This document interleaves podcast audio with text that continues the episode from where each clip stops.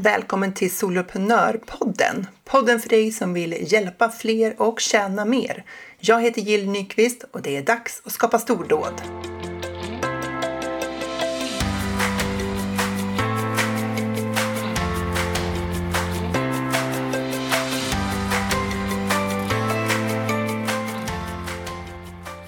Idag har jag med mig Malin Gustafsson som är svensk mästare på att ladda om.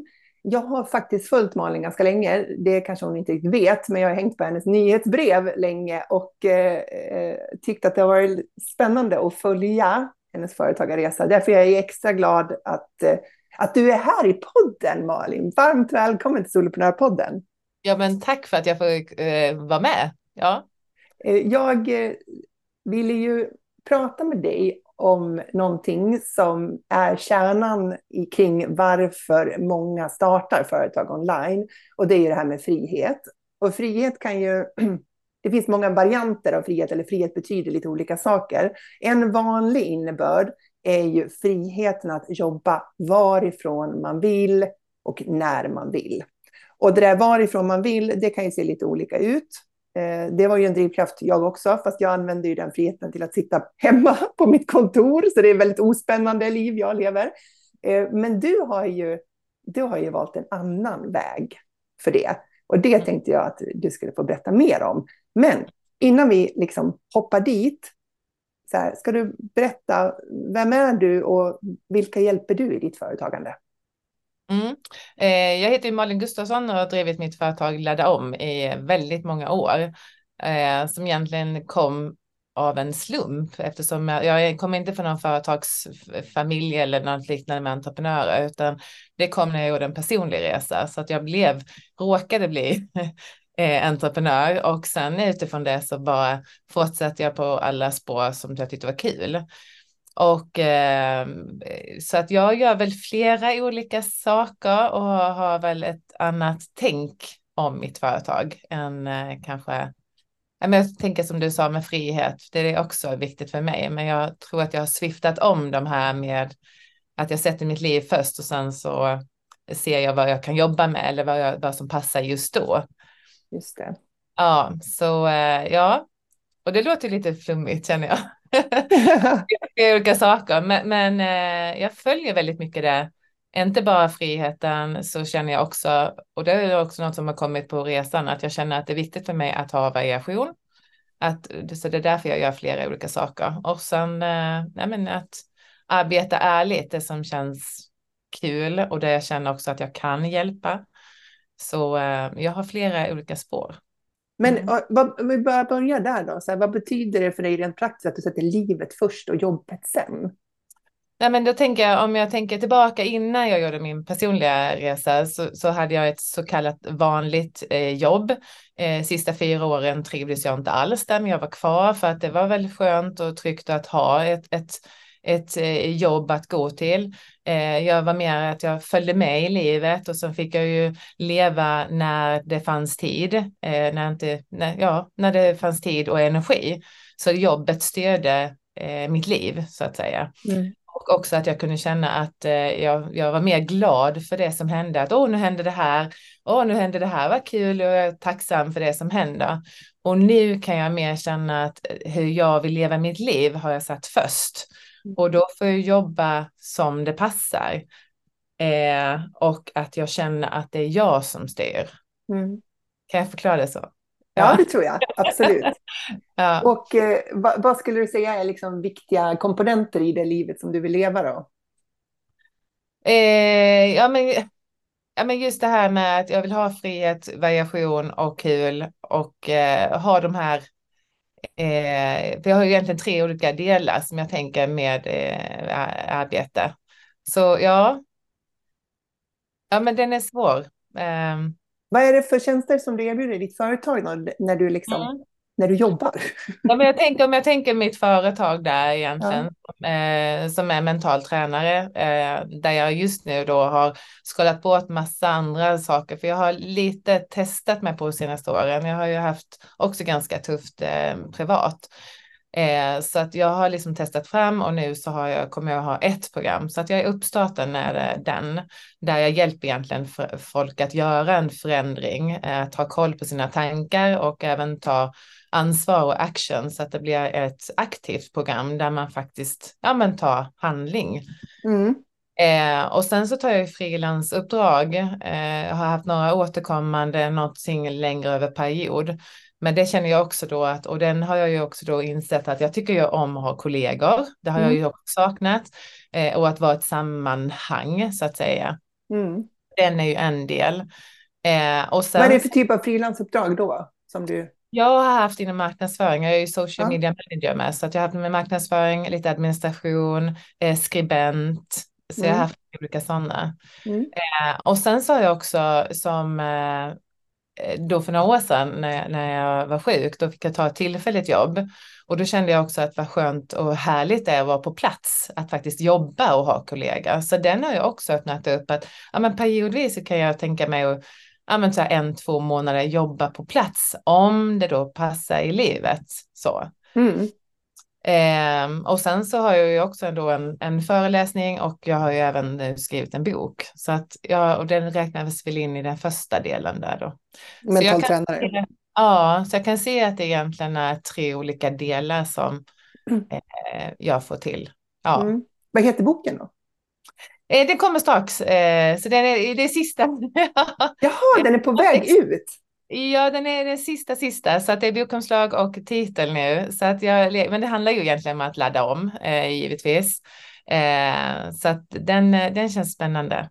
Så. Men den är inte exakt satt eh, titel. Ja. Då får vi hålla utkik efter det. Ja, men ja. du säger det här med ladda om några gånger här. Vad, vad betyder det för dig? Det betyder att, eh, att hinder eller utmaningar kommer i livet. Eh, oavsett om vi vill eller inte så kommer de. Och att jag har en, hela den inställningen så ser jag inte stopp eller utmaningar som ett stopp, utan jag ser det som att jag, jag laddar om och tar nya tag och eh, mer ser möjligheterna. Hur ska jag nu komma förbi? Det handlar ju egentligen om ett mindset eller, och, och även inställning att eh, hur gör vi när vi möter motstånd i livet? Mm. Och ibland så, eller förändringar som vi själva har valt att nu vill jag göra det här. Och det är klart att du kommer möta nya utmaningar då i livet eftersom du inte har gjort någonting det här tidigare så kommer mm. du möta. Så jag tror att hela den eh, underlättar också.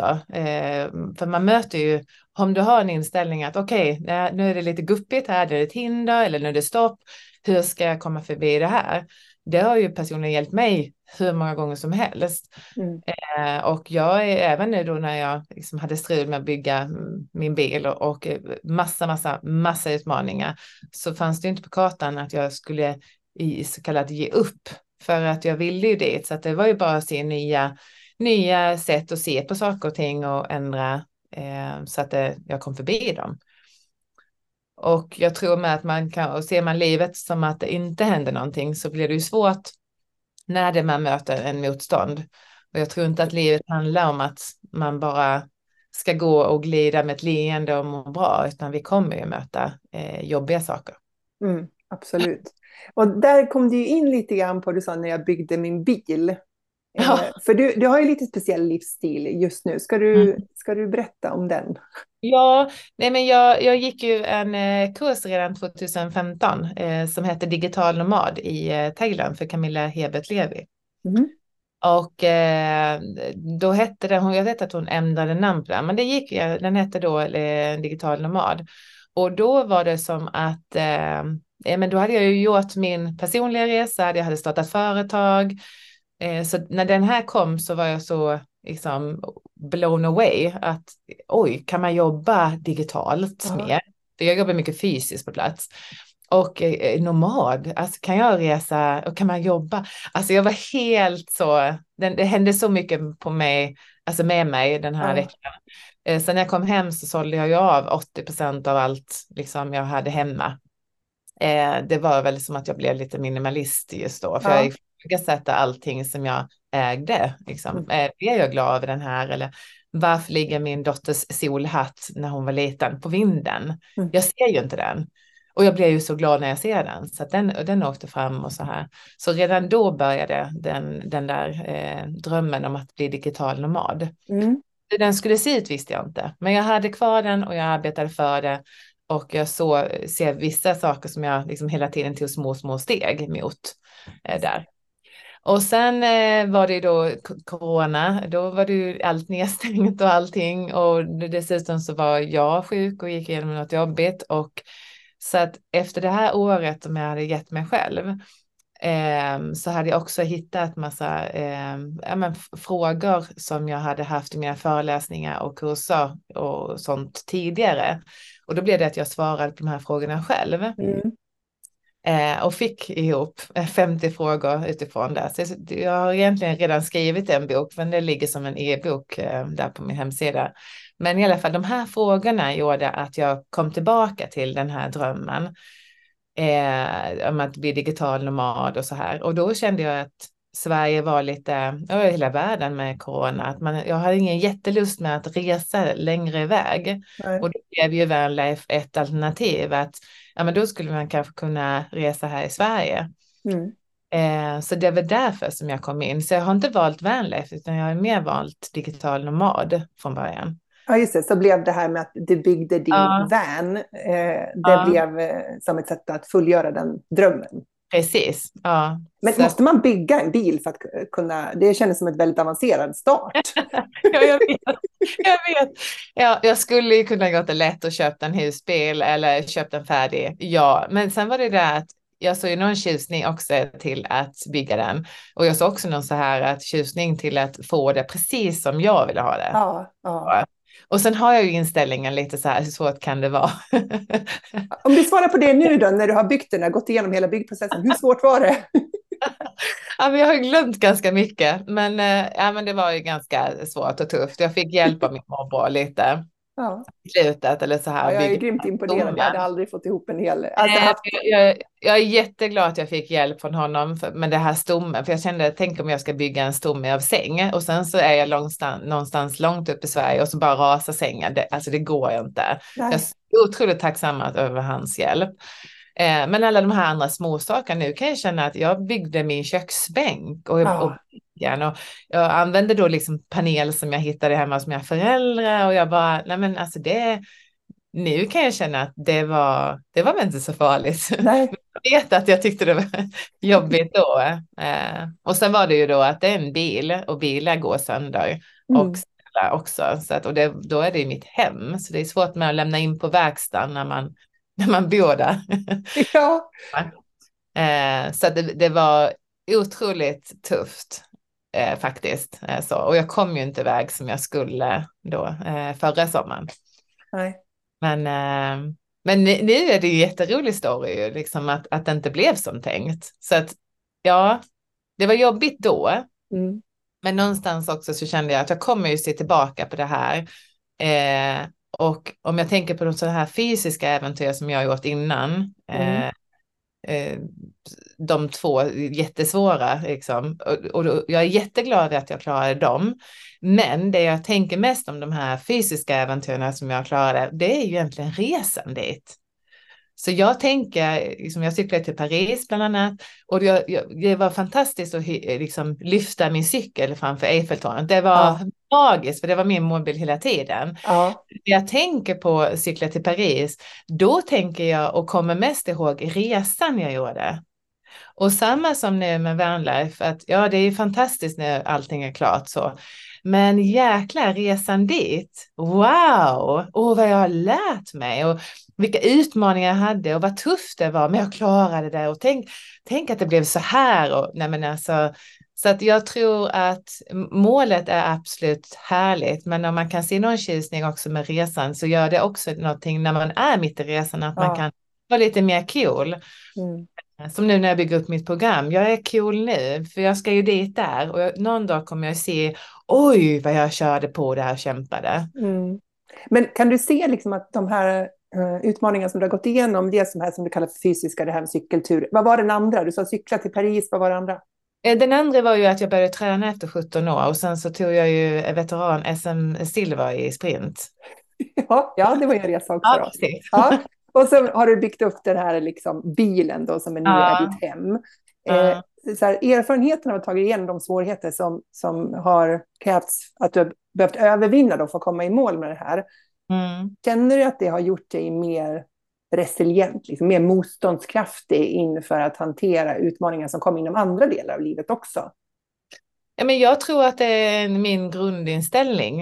Eh, och det har ju inte alltid varit så, utan jag har ju som sagt 17 år innan så gick jag bara i mitt liv. Jag vill inte säga EKJ för det låter så himla tråkigt, men jag har bara följt med där Mm. och sett så här och nu händer något jobbigt och, och lite så här. Nu känner jag själv att eh, jag går inte igång på jobbigt, men när det blir något motstånd så är jag mer jag tänder till på ett annat sätt. Mm. Okej, nu är det tufft. Okej, vad finns det för möjligheter? Vad kan jag göra? Eh, vad känns bäst? Vad är det egentligen jag vill? Alltså lyfta blicken från nuet och se vad är jag egentligen på väg? Nej men gud, jag ska ju inte alls dit, jag ska ju dit. Mm. Eh, och också som när jag blev sjuk för några år sedan, då kände jag ju bara okej, nu behöver jag ta det lugnt. Och jag gav mig ett helt år för att landa och ta det lugnt och egentligen ladda om. Så jag är väldigt så när jag möter motstånd så jag ser inte det som stopp. Nej. Det är inte jättekonstigt att jag nu håller på att starta upp det här programmet. För jag vet precis hur det är att, eh, att möta det innan på ett mer att oj, nu händer någonting. Eller att Mm. möta det med en annan inställning att okej, hur gör jag nu? Mm. Ehm, så att, ehm, och det är häftigt, livet är häftigt, för vi, det är fantastiskt när vi möter motstånd, vad som händer, vad vi kan lära oss om saken i sig, oavsett om det är företag, bygga bil eller cykla egentligen. Mm. Men det är också häftigt att lära sig om sig själv. Så att få med den biten, eh, personlig utveckling. Vad, hur reagerar jag vid stress? Hur reagerar jag när allting bara faller? Hur reagerar jag när det är lite jobbigt eller folk snackar eller när bilen går sönder? Jag kan verkligen ingenting. Det låter bara som grekiskan på verkstaden. Mm. Hur reagerar jag? Eh, och vad behöver jag just då? Behöver jag köra på eller behöver jag ta lite lugnt? Eh, att våga observera sig själv och sina beteendemönster, eh, hur man tänker, eh, är tankarna sanna? Alltså många av de här. Mm. Så jag lär mig om livet, men jag lär mig så otroligt mycket om mig själv också. Mm. Och det är ju fantastiskt att vi kan lära oss även när vi är äldre. Ja, absolut. Jag tänker Ja. att, att eh, ett, väljer man det så, Mm. så lär man sig hela livet. Ja, Eh, Alla ser det inte så, alla är inte intresserade av det, men jag tycker att det är en hjälpsam inställning och det blir lite mer, det blir lite roligare då. ja, precis. Och det, det, då blir det lite, jag vet inte, det är en annan skön inställning eh, till det. Eh, och då får man inte få lika mycket panik när det inte blir som tänkt. Mm. För det är ganska mycket, eh, alltså du är ju också företag, det är väl inte allting som blir som tänkt. Nej, nej, nej, det blir inte alltid som tänkt. Det Men det- Det, som vi, måste, vi måste prata mer om din livsstil här nu, för jag har jättemånga frågor kring det här. Ja, ja. Jag, som, jag som är väldigt bofast. Ja, ja, Ja, och jag reser ju aldrig någonstans om jag inte tar någon tågresa, eh, inte särskilt långt ifrån. så eh, så att läget är alltså att du bor i din van ja, och du driver ditt företag utifrån där. ja. Hur ser en vanlig dag ut? en vanlig dag. Eh, nu har jag ju lite testat ny, lite nya utmanande rutiner, men oftast så eh, är jag som mest kreativ på morgonen. Mm. Eh, och nu har jag faktiskt börjat ställa klockan igen här igen eh, för att ändå jag vaknar tidigt. Men jag tycker om att gå upp tidigt eh, och jag börjar jobba direkt. Eh, så att oftast så gör jag ju allting sånt som kräver eh, min fulla uppmärksamhet eh, där på förmiddagen. Sen någon gång kanske vid 10 eller 11 någonting så vill jag gärna ut och röra på mig. Ehm, antingen springa eller ut och vandra. Eh, sen har jag ju någonting, eh, jag eh, tycker ju att det är ganska trevligt att vila middag och vara ute lite extra i skogen och så. Så att jag försöker så mycket jag kan bara ha långluncher och det är väl kanske fyra, fem timmar, någonting sånt. Eh, och sen så kan jag jobba en liten sväng sen till på eftermiddagen. Och sen så på kvällen så är det ju också det här samma, eftersom det jag lever så litet så är det Mm. ju så här att jag har inte många ställen att sitta på i bilen heller. Så att jag försöker, eh, det blir, försöker få in en kvällsrutin liksom där jag stänger ner jobbet så att säga. Mm. Och som jag känner att så nu är det kväll. Mm. Okej, okay. men där, du går upp på morgonen, vilken tid är det då? Nej, men oftast vaknar jag vid sex. Ja. ja. Eh, och då sätter du dig och slår upp datorn och sitter och jobbar inne i bilen, eller? Ja. Eh, ja.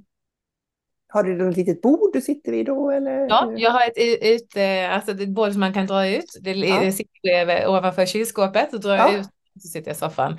Eh, den första i och för sig, den första kollen eh, med mitt företag, eh, den gör jag från sängen faktiskt. Eh, mm. där har jag även lite mental träning och eh, lugn musik för att liksom bara vakna liksom och jag går igenom dagen. Eh, och sen är jag väldigt noga med att bädda sängen. Ja, ja. för att? För att känna att eh, dels att man börjar dagen, men också att det ser så, alltså någonting som är stökigt i bilen känns upplevs som ännu mer stökigt. Eh, så.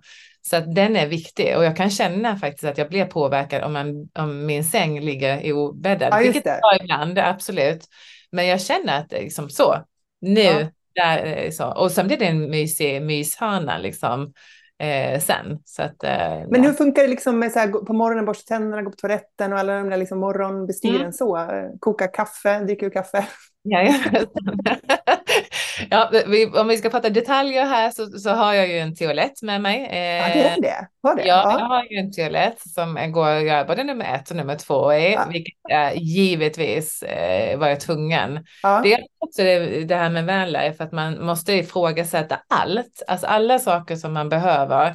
Är det viktigt för mig eller är det inte viktigt att man gör de valen? Mm. Jag följer några vanlife i USA, de har ingen toalett och för mig så bara, nej men nej, för jag, ibland behöver man ju gå upp på, på natten och kissa. Ja, inte jag går ut i en skog, för jag står ju uppe ute i skogen. Okej. Okay, ja. Så eh, jag har inte lust att lämna bilen mitt i natten i en skog. Nej. nej. Utan jag har då min toalett. Så. Eh, sen när jag sätter på kaffet så brukar jag värma till eh, lite extra vatten där. Så att då har jag en kopp kaffe och sen så har jag till att tvätta ansiktet och även borsta tänderna. Ja, så du har ett litet handfat där också liksom och ja, någon form av gråvattentank? Ja, ett, nej, jag har inte det rinnande vatten heller, utan jag har en dunk med vatten så ja. att jag häller upp det eh, så att jag kokar upp det. Jag har gasolkök. Mm. Så har jag, då sätter jag fram gasolköket och så värmer jag till vatten så att det räcker till en kopp kaffe och även tvätta av mig och mm. även tänderna sen. Och, och sen, sen, sen sa du att du ville springa eller typ vandra på, på din långa lunch ja, där. Då är du svettig då, så då måste du... Ja, eh, då tvättar jag ju av mig också. Men alltså jag blir inte de här tuffa, tuffa passen. Då ja. försöker jag alltid se att jag är i närheten av en dusch så att jag kan duffa sen. Ja, just det, så du planerar lite utifrån det. Ja, ja absolut. Mm. Eh, lägga träning överlag. Alltså ska jag träna någonting så ser jag till att då behöver jag ha en dusch. Ja, men då vet jag ju, ja, men jag ska dit åt det hållet, där finns dusch. Då kan jag träna där inne. Så det är mycket mm. Mm. det här. Mm. Det är samma med tvätt. Jag har ingen tvättmaskin i bilen heller. Nej. Då får jag också, liksom, då vet jag med, men där kan jag tvätta då, okej okay, och så. så att, var, var tvättar man då? Alltså hur går det till?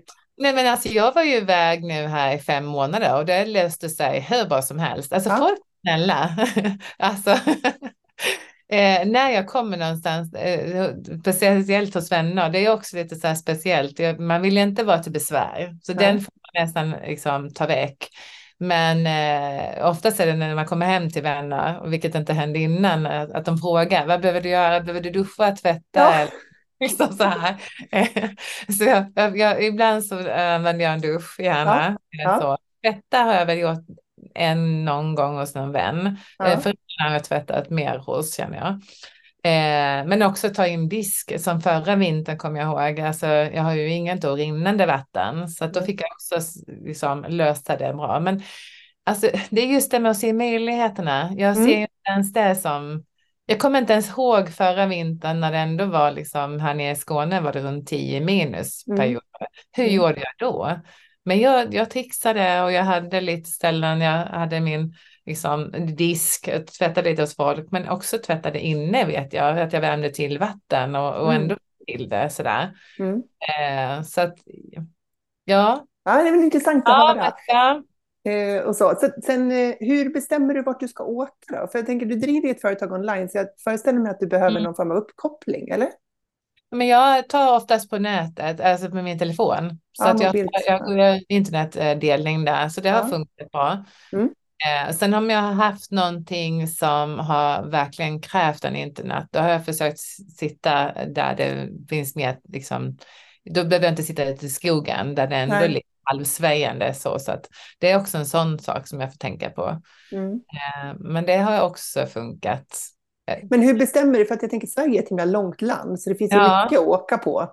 Så mm. nu, nu är du nere i Skåne, eller? Nu är jag nere i Skåne och ja. Eh, känner ju att jag bara vill upp, men jag känner ju att jag kanske inte vill vara vintern längre upp eftersom att det är lite mer minus och sånt. Mm. Känner, jag har väl också landat i att, att det blir ytterligare en vinter i Skåne eh, och att jag sen åker upp kanske i mars, lite mm. så här smått. Vår, vinter, ja. Ja, så nu vet jag ju, då kommer jag väl hålla mig här nere i Skåne, Blekinge. Mm ja, så. Mm. Och sen så kom jag ju upp. Eh, jag tänker att jag kan köra upp. Jag leker lite med vägen nu. Jag har ju inte. Jag körde ju på ett sätt ett håll eh, upp innan så att jag mm. har ju mm. varit längst upp i Strömsund var jag som högst mm. nu i år.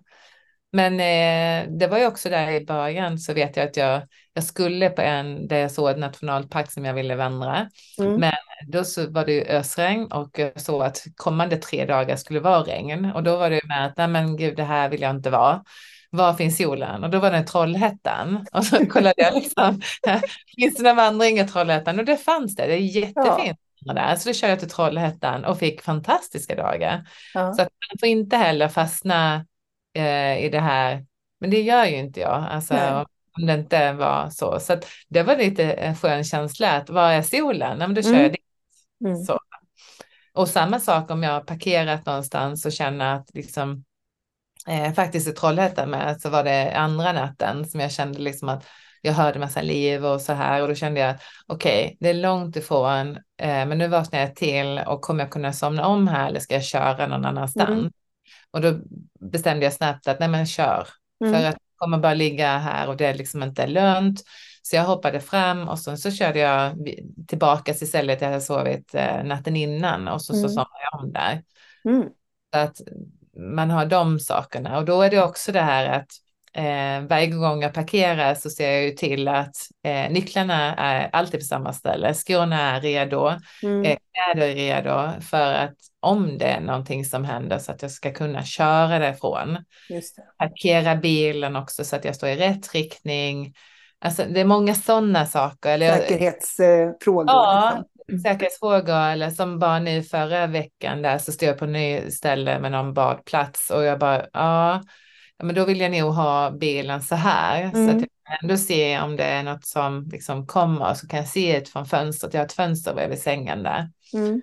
Då parkerar jag så och så kan ändå köra liksom. Så att det är många sådana saker. Men, men jag är inte rädd. Mm. Eh, men du åker det... ensam, eller hur? Du, du... Ja. ja. Har, har, du en hund? Nej, men jag, jag, jag leker lite med tanken. Men ja. jag, jag är inte helt hundra procent, men jag, eh, jag följer många som har hundar i Manlife. Ja. Och eh, det hade ju varit härligt. Men jag, jag, tror att jag ska få till lite saker först innan. Nej, men jag avvaktar lite. Men ja. jag pratade faktiskt med en vän häromdagen och sa, kan jag inte bara få låna din hund en natt? Mm. Se hur det känns. Mm. Eh, så, men eh, absolut. Ja. Känns som, alltså, som du liksom lever den, mm. ja, du är mycket där och du, går, mm. du tycker om att vara ute i skogen ja, och, och sådär. Så att det känns som att det skulle kunna, skulle kunna passa ihop om du tycker om djur. Precis, jag tycker ju om hundar. Mm. Eh, så att jag, och jag tror att också att eh, det har varit så skönt också nu att liksom landa i det. Hade jag, hade jag skaffat hund direkt så hade det mm. varit en sak till. Ja. Och då, jag märkte det nu när det var lite vinter och då är det, det alltid en, en lite mer med solpanelerna, det ger ju el till dieselvärmen. Alltså nu har det börjat det här som började förra året. Mm. Eh, så att eh, ja, så att det, det, är mycket det här att man får tänka om lite. Eh, mm. Så, men däremot så kände jag liksom att nu är jag mer trygg i det här. För jag kommer ihåg då förra vintern när man körde ut en skog, det var helt mörkt redan vid ja. halv sju och man bara hoppas det inte händer någonting, tänkte jag ibland. Ja. Det, det, är inte klokt att jag kan, liksom, jag är vuxen och så kör jag ut en skog och, och tänker liksom, hoppas det inte händer någonting. Men idag så känner jag ju liksom, jag kan köra ut en skog och bara, och känna mig så lugn. Ja. Att hela det här året har ju gjort mig att jag känner att eh, det här, jag känner mig bekväm med det. Och vi blir ju bra på det vi tränar. Ja, du har hittat ett prakt, det, liksom allt det praktiska kring det som är väldigt annorlunda jämfört med om man bor i ett Ja. hus eller lägenhet. Ja. Det är ett år du har varit ute. Eh, jag, egentligen flyttade jag in i den i april eh, som jag lämnade Stockholm där. Så att, eh, april, men sen Mm. så fick jag då eh, bo hos mina föräldrar men jag byggde klart det i sommaren. Mm. Så att, jag så i sommaren där i juli någonting. Och det var så att du, liksom, du har ingen bostad någonstans utan du, det här är din bostad. Ja. Hur gör man med post då? då? Ja, eh, det är ju så att ehm, eh, det var en väldigt röra eftersom jag bodde i Stockholm först då. Och, eh, och, och då, jag, eh, då hyrde jag in mig och hon sålde huset sen efter det. Så att det, jag tror inte att det finns, Skatteverket upplevde jag inte heller hade koll. Så det Nej. var en halvårs utredning på det här. Ja. Eh, Alltså vart du ska vara folkbok, din folkbokföringsadress är någonstans. Ja, så att det, det skulle jag kunna prata mycket om, men det var väldigt otydligt och jag Ja. tror att det är så att det finns inga jättetydliga regler, vad jag Nej. förstod från hur de hanterade mitt ärende. Så det tog ett halvår innan det blev bestämt att jag får vara skriven då eh, där hos mina föräldrar så att de får posten. Ja, Okej. Mm. Ja, så att, eh, men det var, det var, det var rörigt. Ja. Mm. Mm. Ja, men det, det visar väl bara att du lever på ett annorlunda sätt. Alltså det finns inga upptrampade spår riktigt kring den här typen av livsstil som i jämförelse med vad det finns för Precis. fastbosatta. Ja, och då skulle ju egentligen eh, Skatteverket kunna möta också och säga att vet du vad, här finns inte något klart direktiv, vi får se, här går fall till fall. Mm. För i de här grupperna jag varit med om, Vanlife Anders, med folk på FÖG, så har, har alla upplevt att det är lite olika beroende på så. Vilka, vilka man många- möter och så. Ja. Många kanske också har en lägenhet och då är det lättare sen att man har någonting att utgå från, men det har Mm. ju jag. Nej. eh, Så, så att ehm, Men hur går det liksom att driva företag och, och leva så här? Liksom får du ihop det där liksom, livet först och företag, försörjningen sen och liksom helheten som du var ute efter? Men jag pusslar ju fortfarande och jag kände ju att hela förra året var ju att bygga ihop, få till bilen och bara hålla mig liksom flytande. Eh, Ja. Sen det här året har jag mer känt att jag har liksom på något sätt eh, mer lagt grunden till hur jag vill ha det. Så, så att jag har ju klarat mig. Eh, jag pusslar väldigt mycket eh, så och däremot så känner jag ju att jag behövde skala av lite så att jag mer har det uppdelat i att typ ha mitt program, ha frilansutdrag och sen ta tillfället. Lite Eh, mer fokuserat liksom. Så. Ja, precis. Jag kände att jag, jag, jag tackade ja till väldigt mycket och hjälpte mig med det. Ja, men då gör jag det med. Mm. Och så, så, och då kände jag att det här är inte hållbart. Så att jag kände att ja, men nu tar jag det här programmet och det är där, punkt. Liksom Mm. så. så jag känner väl att det, hela det här året har varit i att landa i vanlife eh, pusslandet eh, så och göra mig liksom mer trygg och basic i det. Mm. Eh, sen 2024 eh, ta nästa steg liksom. Ja. Men Eh. har du låga omkostnader nu tack vare det här? Eller hur ser det ut? Liksom? Ja, eh, ja, det har jag ju. Eh, eh, ja, det har Ja. jag. Det är ju dieseln där som jag, eh, eh, som det går ändå, för jag kör ju. Ja. Eh, och även nu på vintern eh, så har jag ju till dieselvärmen, den tar ju med där och den tar ju också då el. Så då får jag också tänka på att jag behöver eh, ladda el. Eh, jag tror att förra året då när vi upptäckte att jag var tvungen att ladda typ var tredje dag Mm. eh, eftersom att inte solpanelerna får sol där. Så. Mm. Eh, men visst är det mindre kostnader, men sen samtidigt så är det ju, jag vet inte, jag är, ju lite minimalist. Jag har inget behov heller att, eh, jag, jag trivs ju med att leva enkelt. Ja. Eh, så, så att nej, jag har inte så höga, så att jag behöver rent generellt behöver jag inte tjäna så mycket för att gå runt. Nej, precis. Om vi kallar det så. Eh, ja. Jag tänker just eh, bostaden eh, är ju en, många gånger en stor utgift Ja. i ett hushåll. ja, precis. Sen har ju dieselpriset gått upp så jag förstår ju att det liksom ändå blir en kostnad när du ska Ja. göra det. Då. Men det Mm. kanske ändå inte mäter sig mot en eh, bostadsrätt eller ett hus. Nej. Sen är det ju så att jag måste ju, alltså, jag tror att om du har ett hus så har du alltid någonting som du ska renovera och Mm. lite.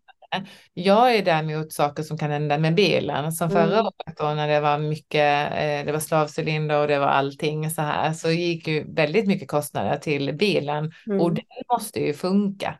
Mm. Punkt. liksom. Så där får man väl alltid ha en, eh, så det blir mer bråttom med, mina eh, så. Ni kanske känner att ni ska eh, byta ut fönstren, men det kan, det kan vi göra Just med det. också. Exakt, det funkar då också. känna så, utan. Eh, som jag hade en sak nu som jag vill kolla upp på eh, verkstaden och då var det ju så här, okej, när kan ni liksom? Ja, vi vet ju att det är brådskande liksom, för att ja, det är ju brådskande. Allting mitt blir ju brådskande Ja. och då är det också att då får jag pussla om där med att okej, när ska det passa? Var ska jag då jobba om han säger att vi behöver ha den hela dagen? Mm. Okej, hur ska jag då jobba? Mm. Eh, Så, så att, eh, jag upplever att det är mycket pusslande, men jag upplever också att i början så, så tog det mer energi och att Ja. jag på något sätt har kommit in med att okej, det är Det- så. Ja, och det är så här man löser det, för nu har du testat lite olika Precis. varianter av lösningar Ja, jag har ju faktiskt suttit en hel dag på en verkstad och jobbat. Ja. Jag fick jättemycket gjort och jag fick Ja. kaffe, fick jag också här. Så, att, så att det, det var, eh, men jag tror att allting, eh, alltså som de, då förra året när det var massa strul, att jag bara liksom höll mig flytande bara för att komma in i allting. Och det var som sagt, det var ju många utmaningar med bilen. Mm. Många. Så, så att, eh, ja. Hur ser, eh, så här, om du tittar på den tiden som har gått nu då och liksom, anledning till varför du vill leva den här typen av digital nomadliv. Mm. Eh, har det uppfyllt dina förväntningar? Blev det som du hade föreställt dig? Eh, ja, för att jag, jag hade någonstans också inte bara sett det som att jag ska bygga en bil och sen ska jag bara leva glassiga dagar eh, så på en strand. Jag såg inte det, utan jag såg att eh, det här kommer vara mitt liv som jag testar på eftersom jag alltid varit nyfiken, eller väldigt många år varit nyfiken på det. Mm. Och att jag inte ville se tillbaka och ångra saker som jag ville men inte gjorde. Mm. Eh, och att jag också haft inställningen att det kommer vara saker som dyker upp och att jag får lösa det. Eh, så att jag tycker ju att eh, jag ser väl lite mer fram emot att få lite mer lugnt. Mm. alltså med bilen och eh, så. Men det känner jag ju att eh, ge mig den här vintern med. Sen så tror jag att jag mer kan njuta ännu mer liksom. Mm. Eh, men det blev definitivt så som jag hade tänkt i känslan Mm. känner mig väldigt fri. Eh, Jag känner att, eh, och det är fantastiskt att känna att jag styr mitt liv. Mm. Eh, Och att jag, Också rent praktiskt styr ditt liv när du kör Ja. bilen någonstans. Ja. Liksom. Det är väldigt... Ja. eh, och eh, nej men alltså bara, ja men jag ler ganska ofta och på kvällarna liksom när man kör in i en mörk skog, ja.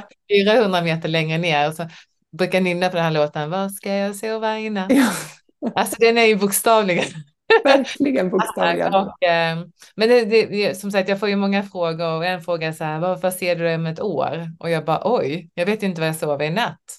Nej.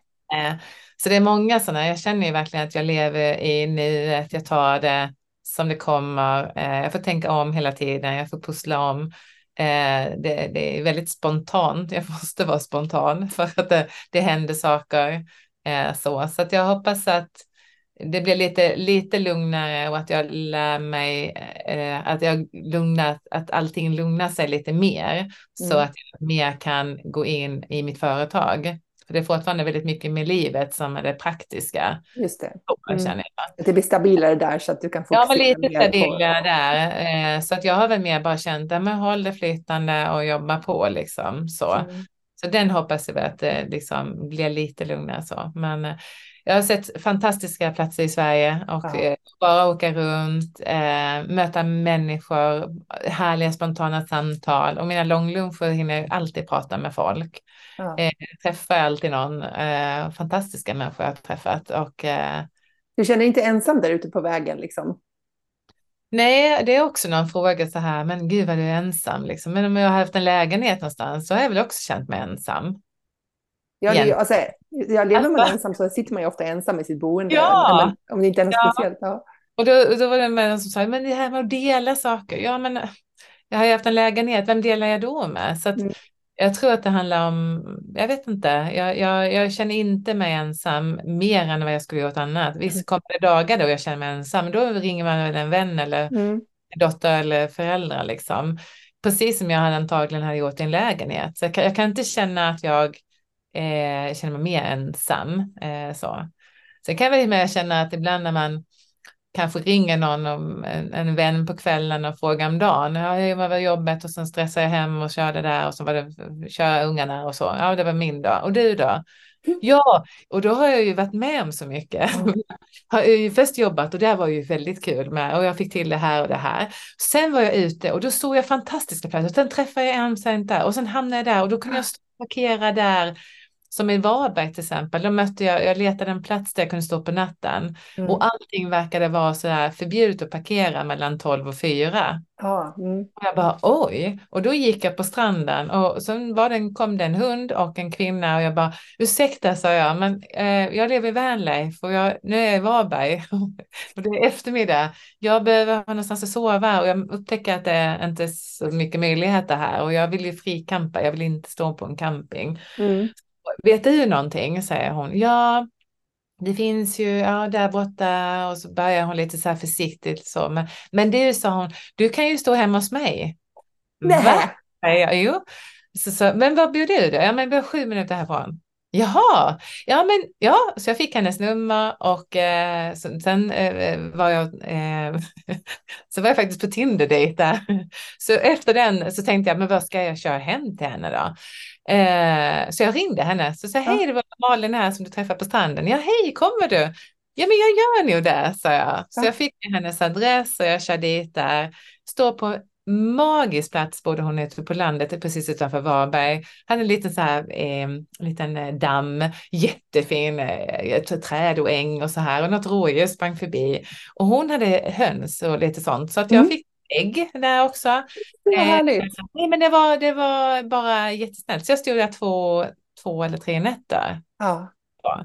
Så jag har varit med om så många sådana saker mm. eh, som händer när man lite lämnar det här comfort, alltså ja.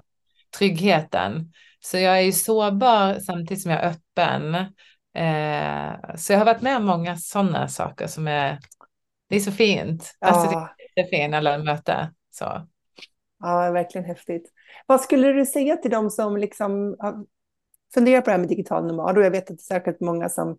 Jag, tycker, jag ser mer och mer, jag vet inte om det är Instagram-algoritmer, men jag tycker att det är mycket just kring vanlife, alltså att inreda sin egen van och att bo i den och sådär. Sen finns det naturligtvis husbilar och så också, men om man är nyfiken på det här livet som du lever, mm. vad, vad eh, skulle ett nästa steg kunna vara om man vill utforska det åt det hållet mer? Ja, men dels så tänker jag nog först att, att vi vill inte vi vill inte ligga på vår dödsbädd och ångra saker som vi ville göra men aldrig gjorde. Mm. Eh, så det här med att faktiskt våga följa någon dröm så och vill man testa vanlife så kan man ju faktiskt testa det med att ha en. Du behöver inte säga, säga upp din lägenhet eller sälja huset och bara slänga det ut. Du kan ha det kvar och sen så har, köper du vanlife och testa på och pröva på kanske en helg eller sen en vecka och lite de här sakerna. Mm. Men att faktiskt våga och det är en härlig känsla att själv att våga följa sina drömmar det mm. är jätteläskigt att göra förändringar, jätte. Men det är också ganska härligt när man gör dem och att man sakta men säkert når dem och att man känner att oj, jag har jobbat mig hit här. Um, och vi vill inte ångra saker vi ville, men inte göra det. Nej. Nej. Nej, verkligen inte. Jag tänker att när man ska göra en sån här liksom, livsstilsförändring, det kan ju vara vad som helst. Att starta mm. företag är en typ av förändring som många liksom kan reagera på. Så. Eh, ja. Eh, reaktioner man kan möta från omgivningen, vad, vad har du för erfarenheter där? Det är väldigt många. Jag har ju fått väldigt många konstiga frågor. Eh, för att det är ju udda, det är speciellt och många gånger så tror jag att eh, över rent generellt så har vi någonting, en sanning om hur livet är och ska vara mm. och alla är där. Och är det någon sen som går och bryter sig ifrån det och gör något helt annat som man inte själv förstår så blir det ju att man reagerar och man vill egentligen, då har man ju ingen koll på den. Sen är man lite orolig, vad betyder det här? Och det kan ju också vara att man har, men vad händer med vår relation? Ska du åka iväg? Mm. Det är många sån rädsla hos andra om eh, så. Eh, och jag tror att det är viktigt om man själv, om man är i den sitt man ska göra förändring, att man för det första inte prata med dem först. Ja, just det, med de personerna. fråga inte om råd. Jag funderar på att köpa en Ja. bil, eller liksom dra. Eh, Det, det kanske man inte ska ta med sina nära och kära först faktiskt, säger jag. Utan faktiskt prata med dem som har gjort det. Mm. Eh, du har gjort en stor förändring. Hur gjorde du? Hur tänkte du? Att ta, med, ta emot hjälp från dem. Och när du själv känner dig grundad och känner att ah, men nu ska jag göra det. Nu kan man berätta det. Mm. Så. För då är man mer, kan också svara på eventuella frågor, kommentarer och vara mer tydlig. Och då kan man de också kanske känna sig lugnare att oj, hon verkar ha ändå ganska koll. Okej, än att man kommer, jag funderar på det här. Mm. Och så blir de bara, men nej! och så kan man inte riktigt svara för man har Nej. inte landat själv hos det. För det kan vara en underlättande så. Men, eh, så den tänker jag. Eh, så. Men jag, jag, den första jag berättade att jag funderade på just vanligt, det var min dotter. Mm. Och då så sa jag rent bara, jag funderar på att liksom köpa en van istället. Så. Mm. Eh, och det var ju ganska härligt för hon sa bara, bara kör, sa hon, testa. Eh, så. Men hon är ju väldigt fin person som unnar sin mamma och följer sina drömmar. Så, att, Mm. eh, eh, så det var väl ganska härligt så. Mm. Men att också ta, och det är ju samma med företag, du går inte kanske till någon eh, person som går till ett jobb som de inte trivs med och bollar. Jag, eh, jag tänker starta företag, liksom, det här tänker jag göra. Du, jag tror kanske inte att du får jättebra svar, utan du går till de som har företag. Hur gjorde du? Vilka steg tog du? Mm. Vad rekommenderar du? Och, eh, och börja gå sakta men säkert. Och samma är det med förändringar i stora livet. Att eh, prata med rätt personer från början. Och det kanske inte alltid är de nära och kära. Så. Eh, och det, Mm. Ja, men jag tänker att det är bra att du lyfter det, för att det kanske är vår ryggmärgsreaktion, är att prata med dem vi har närmast om oss, för det är de vi brukar prata med om frågor. Ja, Men jag kan verkligen relatera till det där, liksom att om man inte riktigt har landat själv i vart man står och så Ja. möter man de här oroande, alltså frågorna som kommer från deras oro eller deras Ja. rädslor eller vad det är för någonting och så kan man inte riktigt hantera dem. Och då blir liksom kanske känslan i kroppen blir att nej, det här är nog fel spår. precis. Eh, För här. har du inte grundat det själv inom Mm. Och du lyfter det så Mm. kan det mer så, så våga om du känner att man vill göra någonting, oavsett vad det är, att man vågar lyfta med de som har gjort det. Eh, och det var ju som en eh, som jag eh, betatestar nu till mitt program. Hon hade en dröm som var ganska, liksom typ säga upp sig och ut och resa ett år. Eh, Mm. så var tjänstledig så. Men hon hade inte vågat, liksom, hon hade inte lyft det så. Nej. Eh, men sen så eh, sen började vi på och eh, nu har hon begärt i tjänstledighet och Mm. ska vara ute och resa ett år. Så jag tror att på något sätt att man, man ska mer eh, prata med dem som har gjort någonting som man vill, starta företag eller vad det än är. Eh, så. Och också ha en eh, förståelse för nära och kära, att det inte Eh, att kanske någon som är elakt, men jag tror att de flesta är mer, eh, de är bara rädda för att Mm. Man ska göra en förändring och att de är oroliga. Mm. eh, Så, så att det, det är liksom att man bemöter dem med att svara på frågor liksom. Mm. Eh, ja, men jag tänker så här och sånt där. Ja, men det är lugnt. Jag har tänkt på det att jag, jag kommer göra så här. Okej, Mm. så att man kan möta det eh, så. Eh, Jag kände ju väldigt starkt när jag, skulle, när jag, började, ut- när jag började förstå att det fanns någon form av online-sfär ja, där människor jobbade online. Jag, det, ja, jag kommer ju från en kommunal verksamhet så jag hade ingen aning om det. Så att när jag liksom snubblade över det där, hur det nu gick till, så var ju det som att det öppnades en helt ny värld. Det var som ett parallellt universum. Och jag bara, va? Har det här funnits där hela tiden? Liksom, vad, vad är det här? Men ja. jag, jag kunde inte ta liksom, den nyfikenheten och gå och prata i fikarummet på mitt jobb. Nej. För där pratar man ju helt andra saker. Eller, liksom så här, utan det här blev liksom ett, ett parallellt utforskande i den gruppen som redan var där. Även om det var bara Facebookgrupper eller ja, det var, och kanske någon YouTube-klipp och liksom sådär. Liksom. Men det var ju inget utbyte. Liksom. Nej. Jag hade ingen runt om mig som jag skulle kunna liksom, diskutera det här med. För att de levde helt andra liv och hade absolut inte den drömmen. Och hade du pratat och lyft det där så hade du mött motstånd och då hade du inte själv förankrat det i dig så att du var liksom trygg med det här att du ville gå mot den vägen. Så jag vill nog påstå mer hur viktigt det är att, Mm. att verkligen söka information utanför de närmsta, även om det är som du precis också sa innan, att det blir så naturligt att man pratar med de närmsta Ja. först. jag tror inte att det är... Eh, det är inte, det är så här, det är inte, gå, nej, nej. är inte så hjälpsamt i det läget. Eh, men just när det gäller vanlife, vad skulle du mm. rekommendera mm. att man snokar på online om man vill liksom utforska det? Eh, finns det grupper eller Instagramkonton eller något annat? ja, alltså det finns ju hur mycket som helst. Du kan ju söka vänlife och få fram mycket som helst. Eh, så. Men jag tror att också att, att just det här att fundera på allting som ska göras i det vardagliga livet, att också fundera på vad är viktigt för mig? Eh, jag kände ju att dusch och tvätta kan jag lösa på ett annat sätt. Toalett är jätteviktigt. Mm. Sängen, herregud. Jag har ju världens skönaste säng bara för jag visste jag skulle bo där alltid. Ja. Klart att jag liksom la väldigt mycket fokus på att bygga en bra säng, eh, stabil, absolut, men också då med, med madrass och sånt. Ja. Jag har så skön säng för att jag mm. lever där. Mm. Eh, det är också viktigt med ett bord så jag kunde jobba. Eh, en bänk, jag ville kunna bjuda in folk. Vi har ju haft, liksom, jag har haft middagar där inne och eh, det är jättemysigt. Så. Ja. Eh, och, så att man funderar på själv, vad är viktigt för mig? Mm. Att man inte bara följer, men de ser ut att ha det bra, utan man faktiskt funderar, vad är viktigt för mig om mm. jag ska leva det här? Eh, och sen finns det ju, det finns ju, du kan ju leva vanlife med eh, i grupper där man möter upp andra och har den communityn. Eller som jag har ju, jag har ju mer varit själv, eh, vilket jag känner att har passat mig. Mm varit på en sån här vanlife-träff, eh, jättetrevligt. Men jag tycker ju att det är ganska skönt att vara själv också. Jag är väldigt social, men, mm. men eh, jag har också ett behov av att vara själv. Jag tycker att det är skönt. Eh, så att jag kör ju rakt ut i skogen och jag tycker att det är ganska härligt att vakna där sen. Så.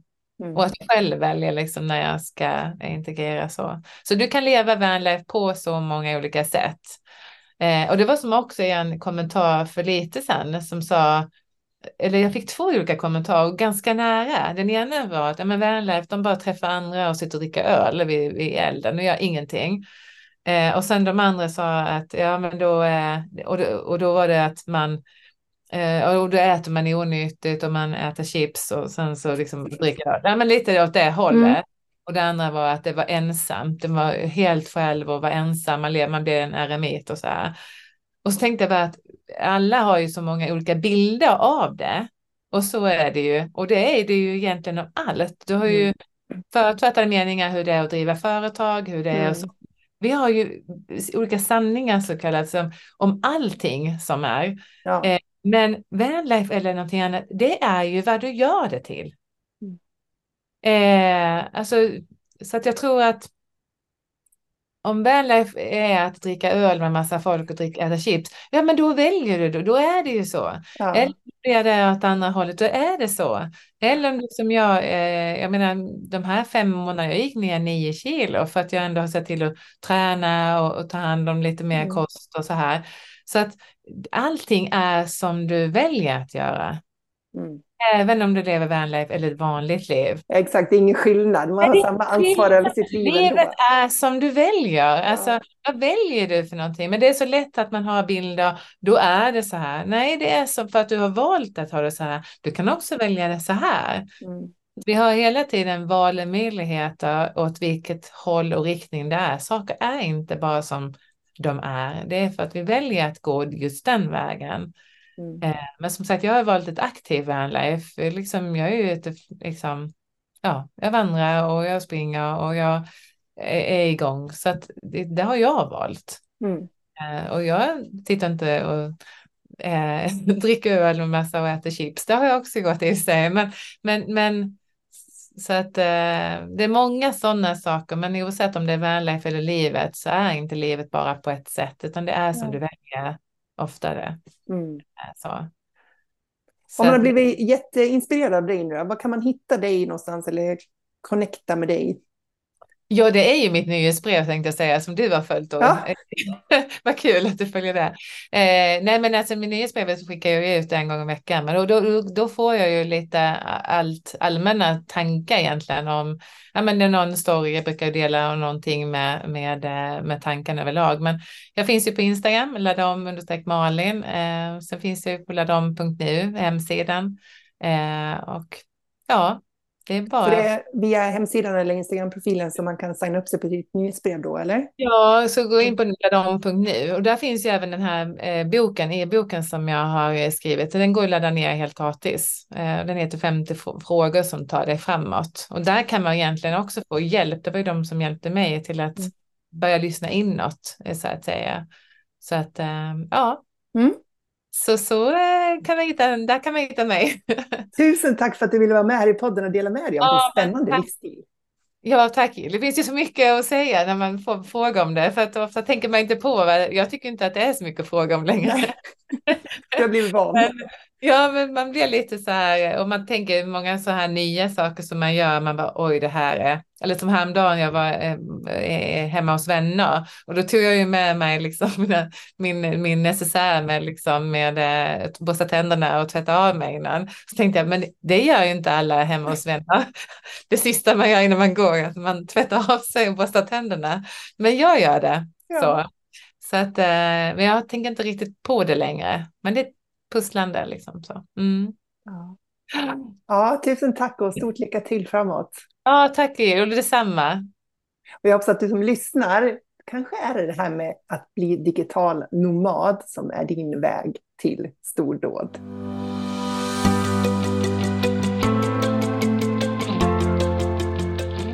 Stort tack för att du lyssnar på Soloprenörpodden. Jag är så glad att ha dig här.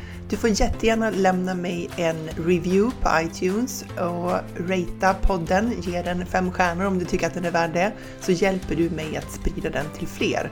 Eller varför inte ta en skärmdump på det här avsnittet och tagga mig på en story på Instagram, solopreneur.nu.